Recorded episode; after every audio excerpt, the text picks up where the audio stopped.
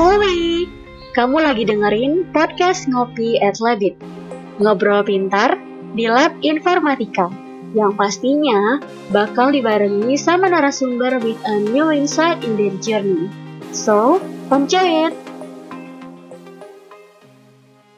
Halo teman-teman ITZen, gimana nih kabarnya hari ini? Udah semakin akrab ya sepertinya sama pandemi. Kali ini Lab Informatika mencoba bikin podcast nih. Sebagai podcast pertama, maaf-maaf ya kalau masih banyak kurangnya. Acara podcast ini kami namain Ngopi at Labit, yang punya panjangan ngobrol pintar di Lab Informatika. Di sini kita bakal obrolin banyak hal tentang kehidupan, pengetahuan, pengalaman, dan hal lainnya bareng-bareng. Sebelumnya, kenalin, aku adalah salah satu admin Labita di Instagram. Aku bakal nemenin kalian bareng salah satu narasumber kita di podcast ini, yaitu Muhammad Yusril Hasanuddin seorang mahasiswa sekaligus salah satu asisten laboratorium informatika yang udah pernah terbang nih ke negeri orang buat belajar. Hmm, keren juga ya.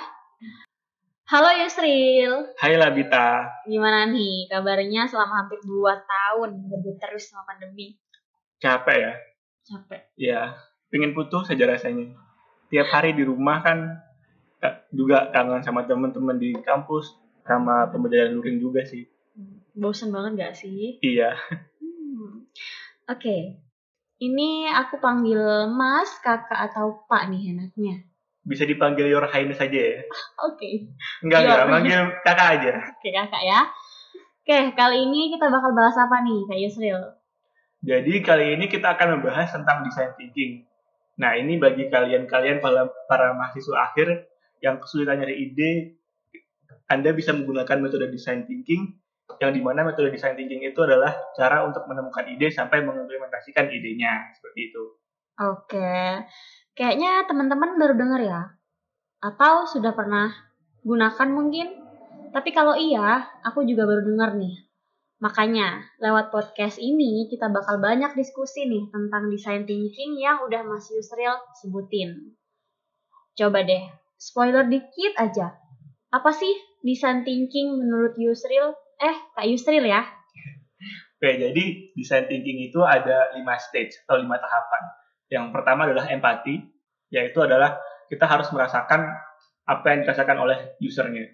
Jadi kita harus mengetahui identitas user yang yang akan kita yang akan kita bantu untuk menyelesaikan masalahnya seperti itu. Yang kedua adalah define. Nah, di, define ini adalah kita sudah tahu permasalahan apa yang si user hadapi sehingga kita akan memutuskan solusinya. Yang ketiga adalah idea. Nah, idea di sini adalah baru solusinya. Jadi kita membuat solusi dari permasalahan dari permasalahan yang dialami oleh user. Yang keempat adalah prototype. Di sini Anda mulai merancang uh, project atau solusi yang Anda yang Anda buat tadi di, di dalam tahap idea. Terus setelah prototype yang jadi, baru Anda bisa meminta si user untuk mengetes atau memberikan feedback kepada prototipe yang Anda buat seperti itu. Jadi, design thinking itu anggapannya punya lima pilar penting yang berurutan ya. Kenapa sih harus lima? Apa ada hubungannya sama dalam tanda kutip nih, berpikir secara desain? Of course, ada sih ya. Lima hal ini bakal dipakai untuk mengatasi masalah yang dia itu datangnya tuh nggak jelas atau bahkan muncul secara tiba-tiba kak Kalabita. Oke. Okay. Di tahun 2019 dalam TED Talk seorang pelopor design thinking pernah bilang kalau value dari design thinking ini nyatanya bisa banget make, make the problem extreme, extremely done. Jadi bisa membuat masalah benar-benar terselesaikan seperti itu kak. Wow, oh, wow, bisa gitu ya? Iya dong. Jadi sebegitu pentingnya cara berpikir design thinking. Hmm, kayaknya aku salah satu yang belum pernah pakai konsep berpikir kayak gini nih. Atau belum tahu kalau ternyata udah pernah ya. Tadi Yusina kan nyebutin kalau konsep berpikir kayak gini itu penting banget. Emangnya design thinking itu sepenting apa sih? Ada nggak salah satu kasus yang jadi penyebab kalau konsep ini justru jadi penting banget? Jadi uh, seperti yang kita ketahui ini pandemi ini datang secara tiba-tiba pada bulan Maret tahun 2020 Yeah. Nah, pada saat itu saya mulai berpikir siapa yang paling terdampak terhadap pandemi. Kan mulai dari pekerja, Betul. buruh yang di dilepas kerjakan atau dirumahkan, terus para pelajar. Nah, dari itu saya mencari datanya siapa yang paling mengalami banyak perubahan dan tentu um, mendapatkan masalah dari pandemi ini. Saya saya mendapatkan satu hal yang yang yang wow gitu, yang yang yang benar-benar banget bisa merubah kehidupan mereka. Salah satunya adalah uh, para penyandang disabilitas, khususnya khususnya orang tuli ya. Jadi si penyandang tuli ini dikarenakan uh, banyak orang di sekitarnya yang memakai masker, dia tidak bisa membaca bi membaca bibir sebagaimana dia berkomunikasi uh, seperti biasanya gitu loh. Dikarenakan pandemi ini, jadi uh, cara mereka berkomunikasi agak sulit seperti itu. Wow, ceritanya panjang banget ya. Berarti cita-cita Kak Yusril nih, salah satunya ya karena ada pandemi ini berarti pengennya bantuin penyandang disabilitas yang tadi udah Kak Yusril sebutin ya. Oke, mari bernafas sebentar. Teman-teman netizen gimana? Sampai sini kira-kira kalian pernah nggak implementasiin salah satu konsep berpikir kayak gini? Buat nyari ide-ide yang out of the box gitu? Atau mungkin kasusnya sama kali ya sama aku. Oke, Kak Yusril, tadi pas kita baru mulai, kamu juga spoiler dikit nih tentang lima fase penting design thinking. Jadi, design thinking itu pencarian awal masalahnya kan empati ke user nih. Nah, gimana sih caranya biar kita bisa empati terhadap masalah yang bakal kita selesaikan? Yang paling penting kita lakukan adalah mencari data. Jadi data user yang akan kita selesaikan masalahnya. Nah, pencarian data ini bisa kita gunakan sebagai untuk membuat user persona, user persona, di mana user persona ini nantinya akan menjelaskan detail tentang siapa orang yang akan kita selesaikan masalahnya, mulai dari bisa dari gender misalkan, terus dari kerjaan, umur atau da daerah asal seperti itu. Nah, kalau dalam contoh kasus yang tadi, uh, user personanya adalah uh, penyandang tuli, uh, bis, bisa tinggal di daerah mana saja di Indonesia, bisa uh, berumur berapa saja kan, dan gendernya bisa laki laki-laki maupun perempuan seperti itu. Hmm. Oke, okay, uh, itu jadi tahap pertama ya, Kak Yusril. Terus untuk fase yang kedua, yang ketiga sampai yang kelima itu gimana? Oh, baik. Jadi sebelumnya itu di tahap uh, empati itu nantinya data-data yang Anda kumpulkan itu mis misal seberapa banyak sih penyandang tuli itu bisa Anda lampir lampirkan di latar belakang skripsi Anda nanti seperti itu. Uh, terus bisa Anda uh, cari juga research-research dalam jurnal maupun paper dan terkait dengan uh, permasalahan detail terhadap terhadap cara komunikasi mereka semenjak pandemi seperti ini. Nah, yang kedua adalah tahap define.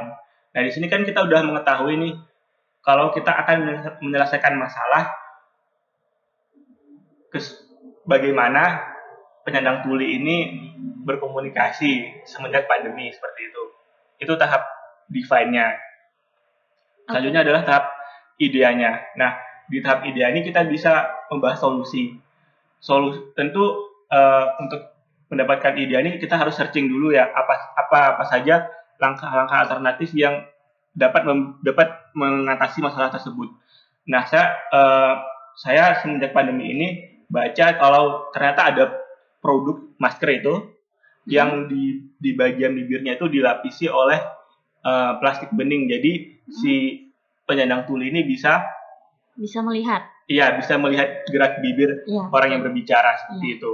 Nah, uh, di dalam tahap ide ini juga penting kita harus uh, selain mencari ide, kita harus uh, gini dulu mencari kompetitor atau orang-orang yang lain sudah mengimplementasikan ide kita. Nah, di sini saya membuat aplikasi khusus untuk alat alat bantu komunikasi bagi penyandang tuli. Nah, itu kan uh, mungkin oleh beberapa orang pernah dibikin ya.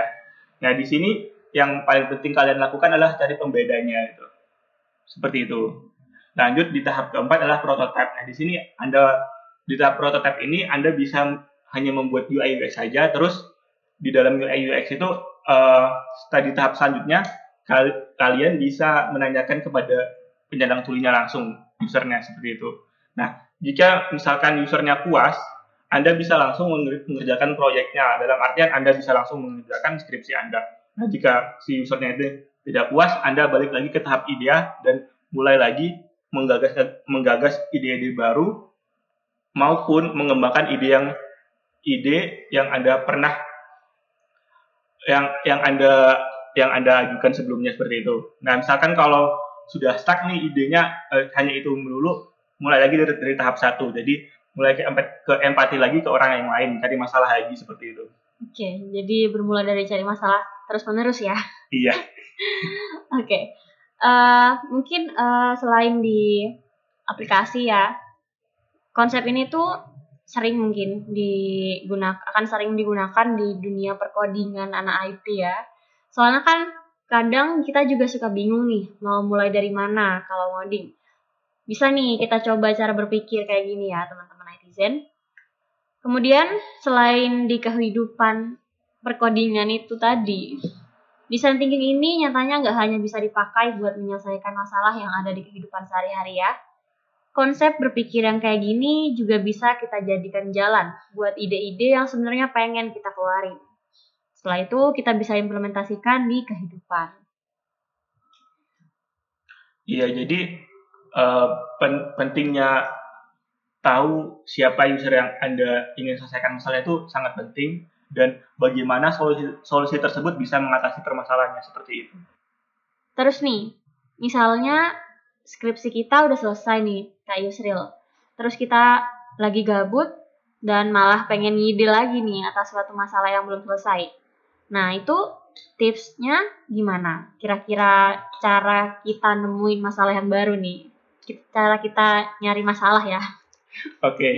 Kalau aku cara nyari masalah itu uh, dari lihat sosial media. Okay. Tapi sosial medianya LinkedIn ya. Jadi hmm. kalau bisa uh, dalam LinkedIn itu follow-follow akun yang banyak membahas tentang paper yang yang unik biasanya. Kalau aku sukanya paper yang unik. Hmm. Seperti misalkan uh, bisa Anda follow akunnya Stanford University atau Harvard University di di LinkedIn. Atau kita juga bisa memfollow akunnya MIT di Twitter ya.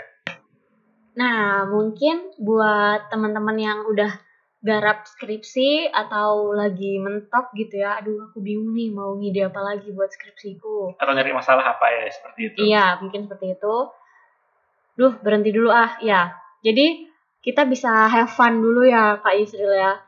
Mungkin siapa tahu kita dapat insight yang lebih banyak lagi dari LinkedIn mungkin dari Twitter yang udah Mas Yusril sebutin. Atau dari artikel-artikel medium ya. yang Anda kuasai di bidangnya ya. Oke. Okay. Oke, okay, teman-teman. Jadi karena udah cukup lama diskusi, diskusi kita hari ini ya, terima kasih banyak nih Kak Yusri atas pengetahuan yang udah Kak Yusri bagiin ke kita-kita. Sama-sama Kak Labita. Oke. Okay. Semoga ilmu yang Kak Yusri hari ini kasih akan selalu berkembang dan bermanfaat buat Kak Yusri sendiri atau buat teman-teman ITZen yang lagi dengerin podcast ini ya. Oke, okay, mungkin sampai sini dulu podcast kita hari ini.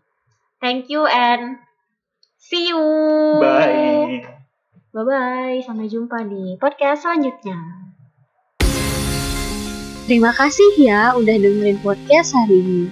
Semoga menjadi pendengar setia buat Ngopi. Have a nice day.